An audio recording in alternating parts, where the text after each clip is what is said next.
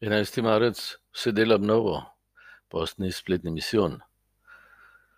Danes v Evangeliju pride na dan res eh, najlepše, vesela novica. Kristus, on je najmočnejši. Smrt, tudi smrt mu nič ne more. Kaj šele vse, kar je prej hudega in hudobnega in zlaganega. Mi pa, če pogledamo vsakdanje novice, pa vzdušje, ki vlada med nami, tudi v tej pandemiji, kaj v resnici doživljamo in živimo, kot da je zelo zmagalo, da je eh, demon pred vrati našega srca, ima prekrižene roke in se sam sebi dopade in si govori: Zmagal sem, premagal sem te, nimaš možnosti, ujetnik si smrti, strahu zase, eh, tvoje življenje nima smisla čemu se še trudiš, bodi pokvarjen, kot so vsi pokvarjeni, laži, kradi, goljofaji, nagrabi zase.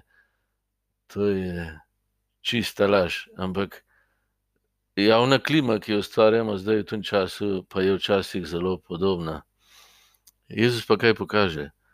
Da je tega ležnivega demona že premagal. On je najmočnejši. Eh, tega mutastega demona, ki nas utiša in nas zaslepi, celo tako, da mislimo, da je Jezus, ali pa lažemo sebi in drugim, da je Jezus od hudega in da s hudičem izganja hudega duha.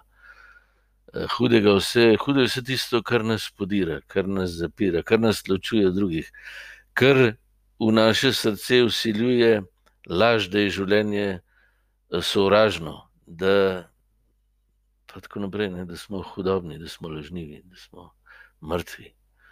To je vse eh, hudo. Ampak Kristus je to hudo že zdavnaj premagal. Hudi demoni so smešni, on je najmočnejši. Cel evangelij, pa vsa nova zaveza, samo to kaže, da je eh, Božja ljubezen neskončno močnejša od vse naše narosti, ki jo lahko delamo celo življenje. Eh, ne more ničesar podreti, ker nam je Bog zelo obrnil v dobro, tudi smrt.